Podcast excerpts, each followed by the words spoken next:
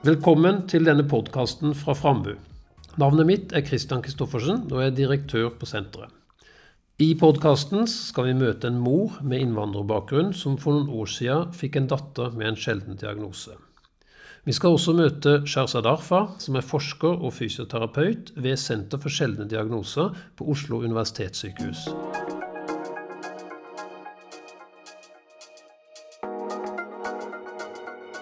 Velkommen til deg. Tusen takk, Kristian. Først så vil jeg gjerne spørre deg om du kunne fortelle litt om familien din og, og bakgrunnen din. Ja, jeg og min mann kom til Norge ca. 22 år siden. Så da jeg kom til Norge, var jeg gravid. Så datteren min er født her. Hun er nå 22 år. Så har hun flere søsken. Tre yngre søsken.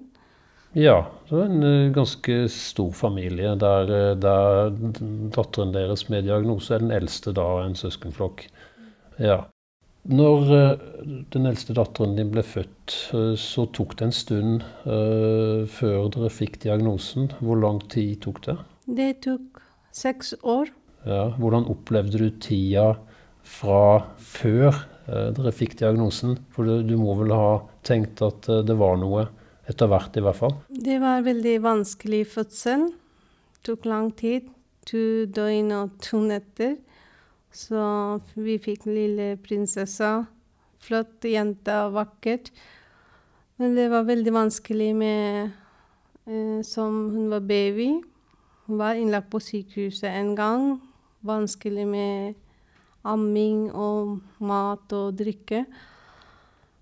Og senere, da var hun over seks måneder, ble det vanskelig med uh, krabbing, sitting, så derfor vi fikk hjelp fra fysioterapeut.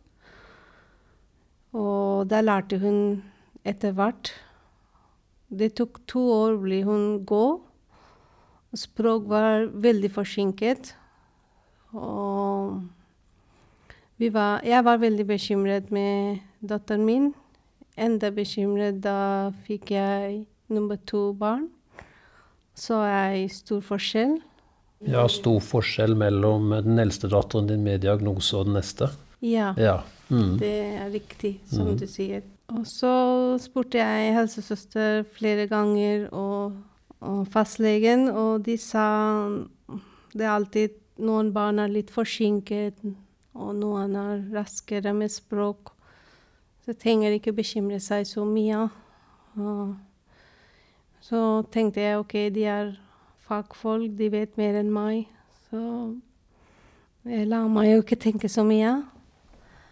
Men eh, barnehage innkalte meg, da var hun fem år, så de sendte bekymring til PPT om hennes språkforsinkelse og sosial ferdighet. Mm. Ja. ja. og uh, du klarte vel ikke kanskje å legge fra deg bekymringene, selv om fagfolk på et tidspunkt bare sa at mange barn er litt forsinka?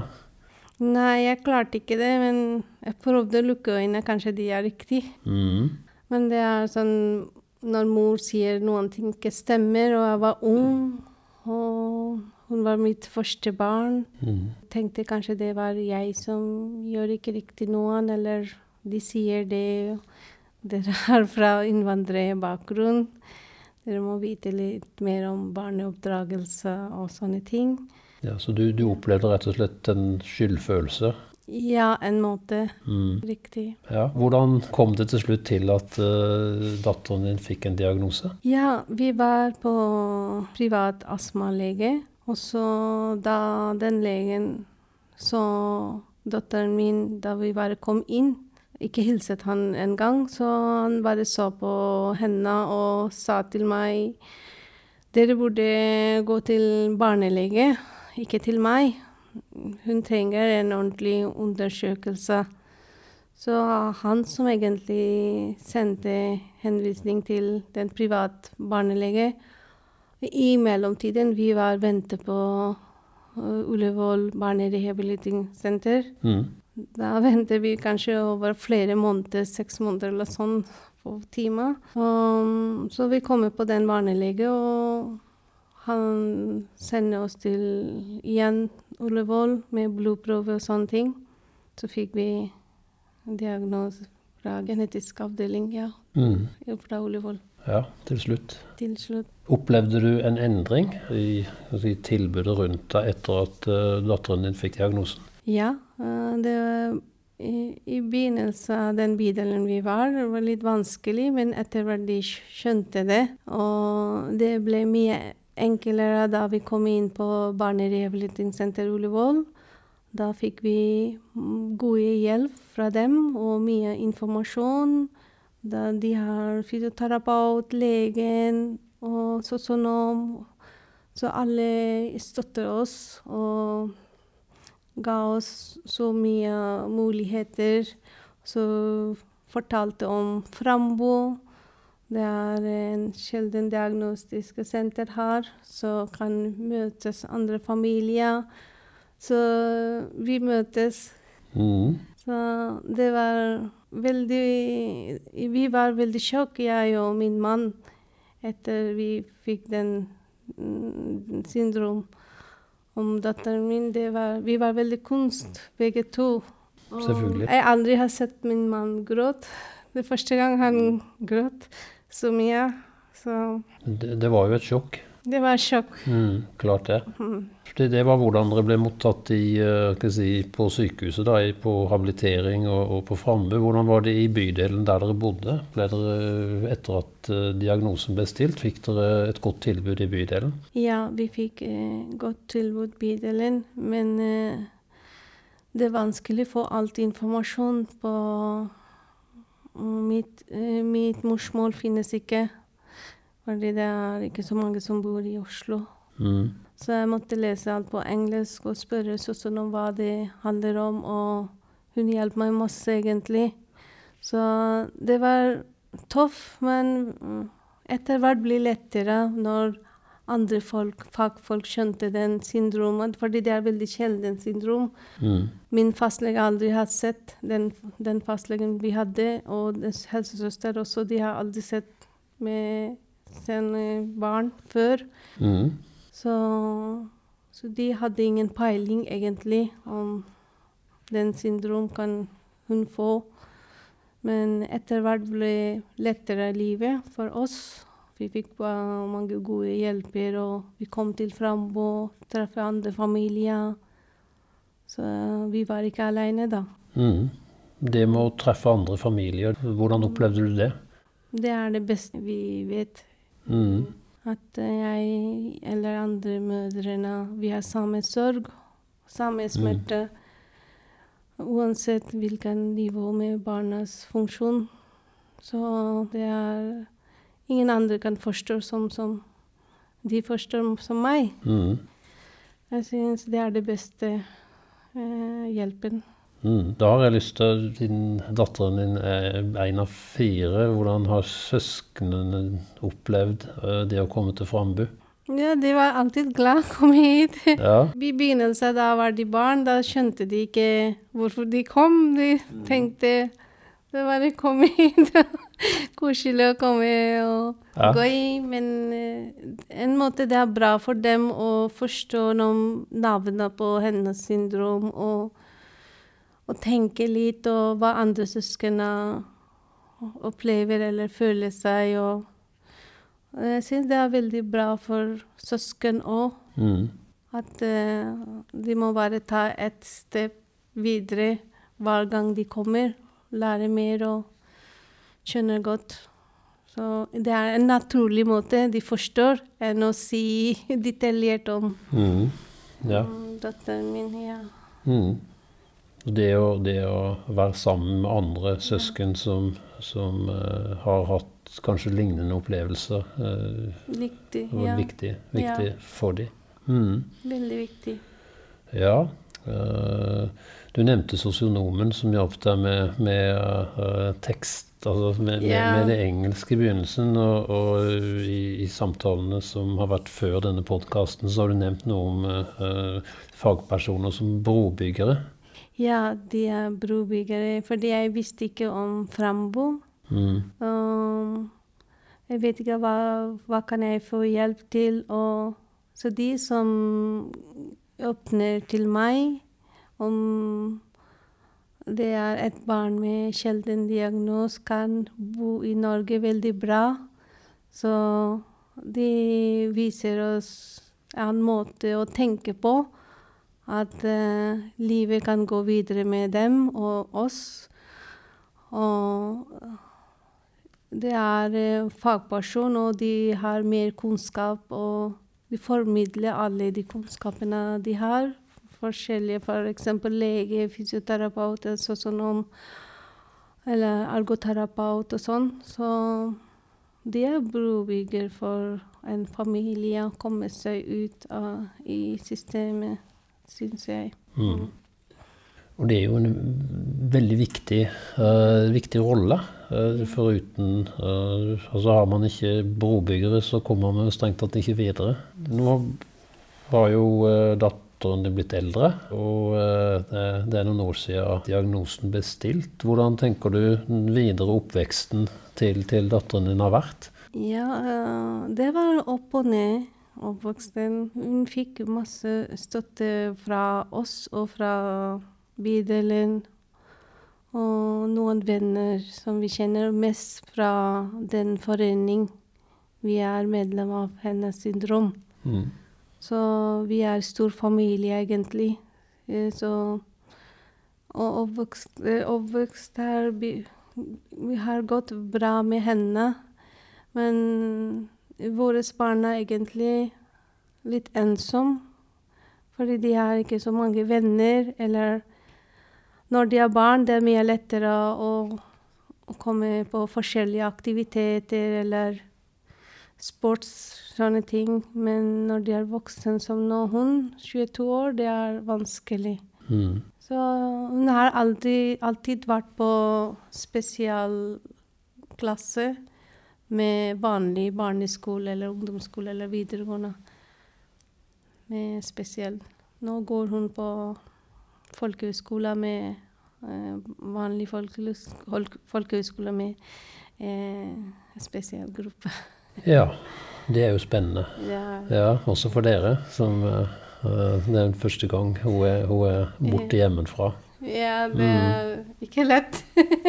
Nei, det, det, er jo aldri det. Men det, det blir helt sikkert det at uh, hun har en sjelden diagnose, gjør det kanskje vanskeligere. Men, ja. men for alle foreldre opplever kanskje det når, når barna flytter hjemmefra. En viss bekymring. Men her kan bekymringa ja. være enda større. Ja, enda større. Og du vet, jeg er fra innvandrerbakgrunn. Mm.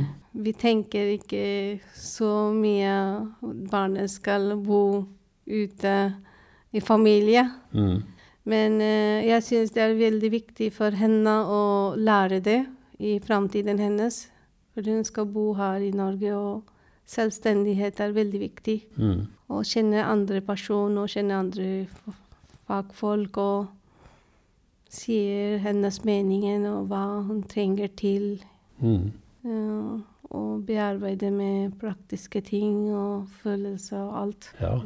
Det er store oppgaver. Eh, du nevnte dette med innvandrerbakgrunn. Jeg vil gjerne spørre litt om det også. Om du tenker at det har det gjort uh, uh, møtet med fagpersoner vanskeligere? Du nevnte jo for så vidt litt med dette med språk. Men andre ting som spiller en rolle der? Nei, egentlig ikke. Det er bare språk som hindret meg i begynnelsen. Når, fordi det er en nøkkel for å komme inn på samfunnet. Du mm. må Eh, du må være ikke så godt norsk, men du må ha en bra forståelse for språk og snakke norsk. Mm. Selv om du har tolk eller andre person forteller deg, men det beste du forteller deg selv hva mm. barn, ditt barn trenger, hennes eller hans behov. Mm. Kanskje ikke alle har mulighet til det, derfor de kommer ikke ut i samfunnet. Men eh, eh fagperson rundt om oss. De, var veldig eh, faglig dyktige, og de var snille. Jeg har alltid hatt noen problem, egentlig. Ikke Mm. Du nevnte jo det med at datteren din og mange andre i samme situasjon kanskje opplever en større grad av ensomhet ja. enn uh, jevnaldrende. Tror du at uh, innvandrerbakgrunnen kan gjøre det verre, eller, eller tror du det hvordan, hvordan det virker på, på, dette med det sosiale og ensomhet osv.? Jeg tror det spørs om hvilken innvandrerbakgrunn med stor familie eller liten familie, eller hvor mye den innvandrerfamilien er involvert i samfunnet, hvor mye de er aktive, um, hører på nyheter. Så det kanskje påvirker i stor grad mm. med ensomhet med våre barna. Fordi det er veldig liten familie med mamma, pappa eller henne.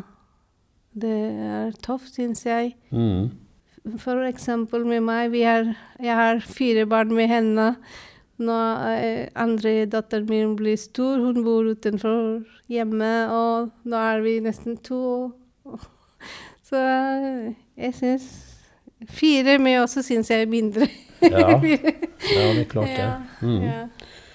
Du har fått, eh, Etter hvert så fikk du god støtte både i, på habilitering, du var på Frambu. Dere har fått et godt tilbud i bydelen etter hvert. Ja. Har du fått støtte utenfor det offentlige tilbudet? Tenk tenker på familie, venner, om det er noe trossamfunn inne i bildet som har, har, bidratt. De har samme innvandrerbakgrunn som dere. Har det bidratt? Samme innvandrerbakgrunn. Ja. Det er et vanskelig spørsmål, egentlig. Fordi Eh, jeg, kan, jeg, er veldig stolt av Jeg har et barn med sjelden diagnose. Jeg er stolt av barnet mitt. Det er ikke noe problem. Jeg er veldig åpen med det. Mm. Åpen med egentlig med etniske folk. Etniske norsk folk. Men ikke med innvandrerbakgrunn. Fordi de har gammel tankegang fortsatt. De fordømmer deg, de snakker bak om deg og dine barn.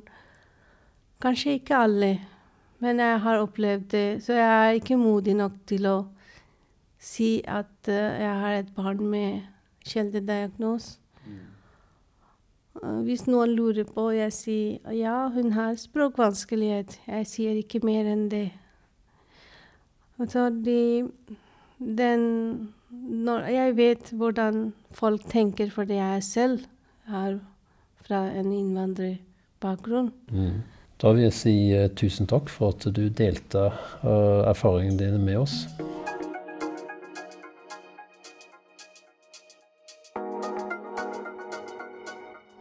Vi har nå hørt samtalen som jeg hadde med en mor med innvandrerbakgrunn, som har en datter med en sjelden diagnose. Med meg her i studio nå har jeg Sherzad Arfad, fra uh, Senter for sjeldne diagnoser på Oslo universitetssykehus. Sherzad er fysioterapeut og har også uh, doktorgrad der hun har undersøkt uh, erfaringene til innvandrerforeldre og deres barn med nedsatt funksjonsevne relatert til samhandling med helse- og habiliteringstjenesten i Norge. Velkommen. Tusen takk skal du ha. I samtalen som vi nettopp har hørt, så beskriver mor de første åra før datteren fikk diagnosen som vanskelige. Hun opplevde at datteren utvikla seg seint, og at hun derfor ble bekymra. Men da hun ga uttrykk for denne bekymringa overfor helsepersonell, så fikk hun til svar at det er vanlig at det er variasjon i hvor fort barn utvikler seg. Hennes refleksjoner rundt dette er interessante og ikke minst viktige. Hun sier de er fagfolk, de vet mer enn meg. Jeg var ung, og hun var mitt første barn. Jeg tenkte kanskje at det var meg som ikke gjorde ting riktig. Sherzad, hva tenker du om eh, refleksjonene hennes her? Jeg tenker at uh, faktisk det er veldig naturlig. Som, uh, altså, vi har jo stor tillit til helsevesenet. Vi, vi, stoler på deres kunnskap. Og da er det For meg virker det altså veldig naturlig at hun prøver å legge fra seg bekymringer med tanke på at hun har fått beskjed at eh, nei, dette er jo litt sent utvikling.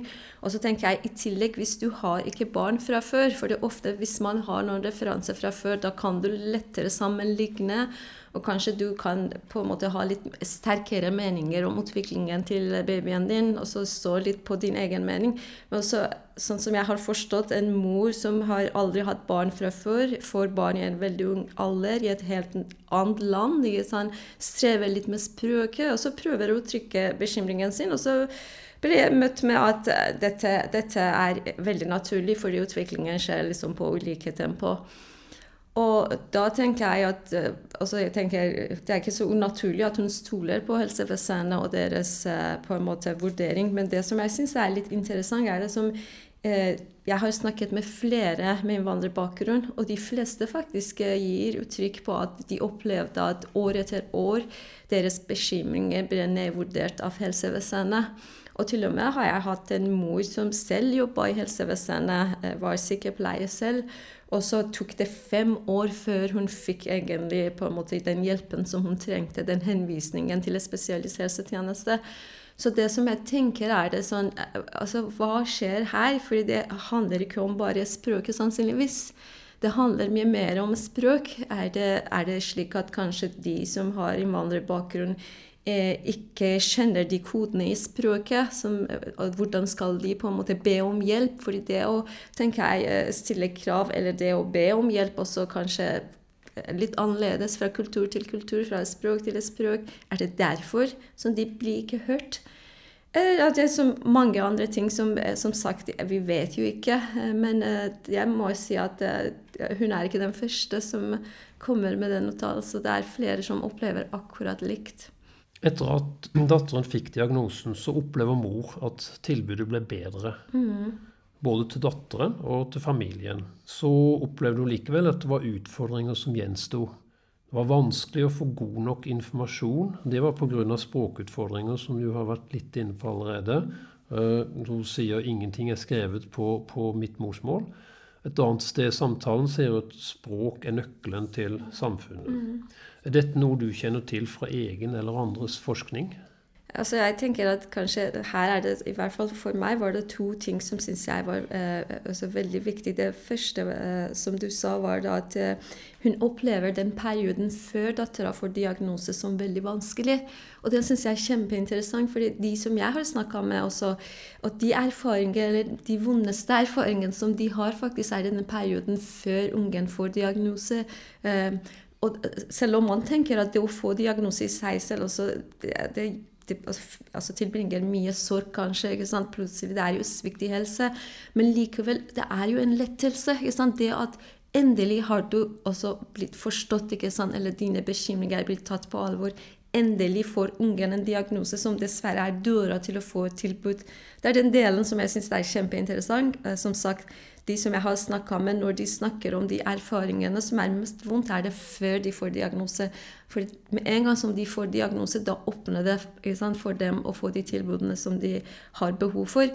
Og en annen ting var det som eh, altså, Hun sier at hun opplever at det fins ikke noe informasjon, eller i hvert fall en, den informasjonen som blir gitt, kanskje ikke er tilgjengelig på hennes språk. Og jeg må si at altså, mangel på informasjon er en helt kjent fenomen.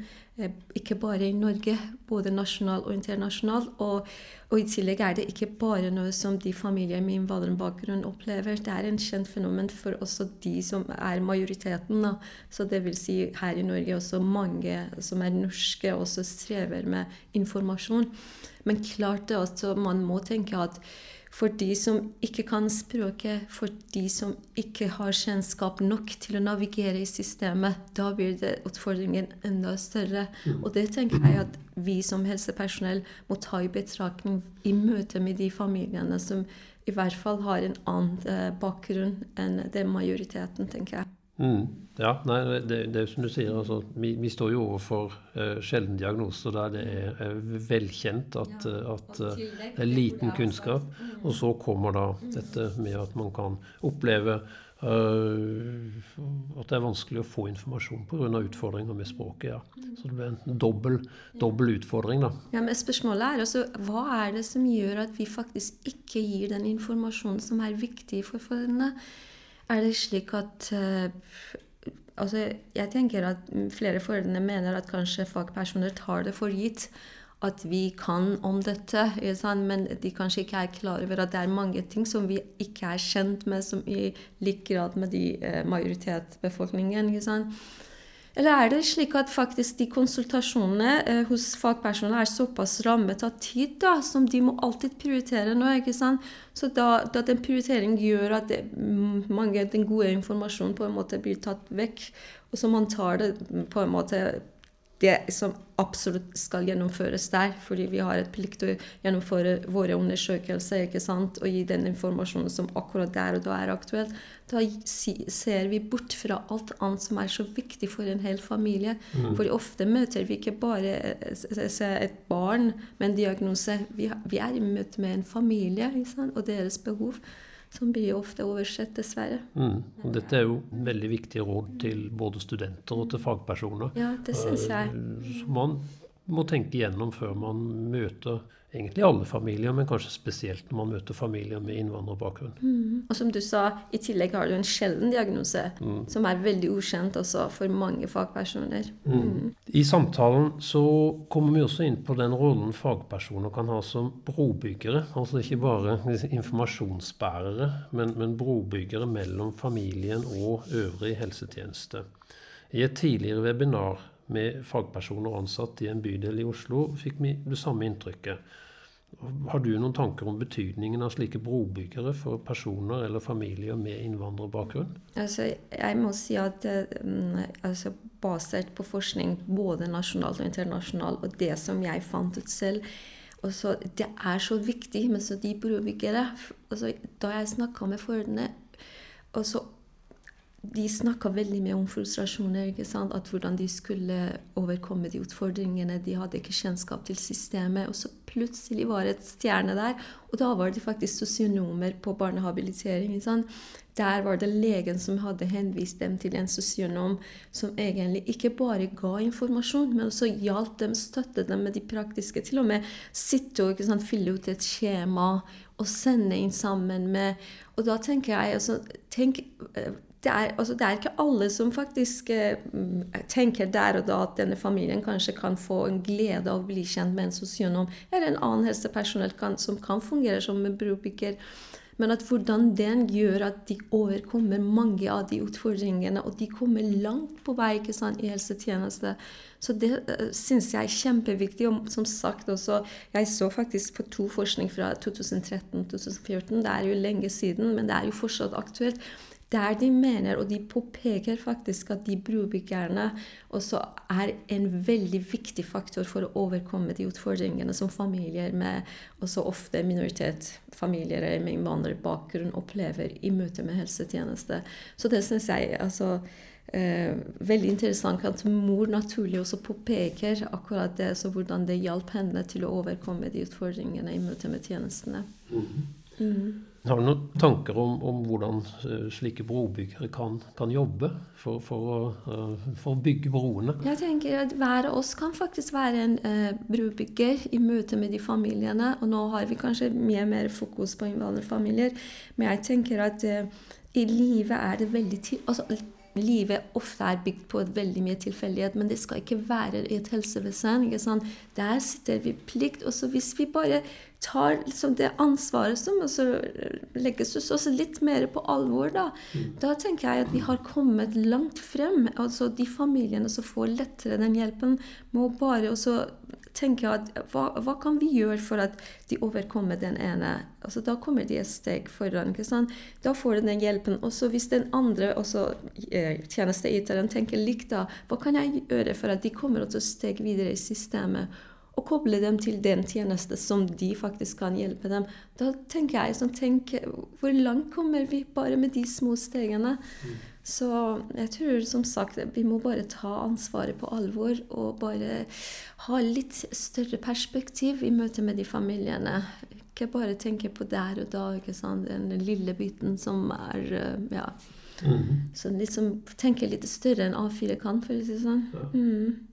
Shazad tusen takk for eh, praten. Tusen takk for at jeg fikk være med.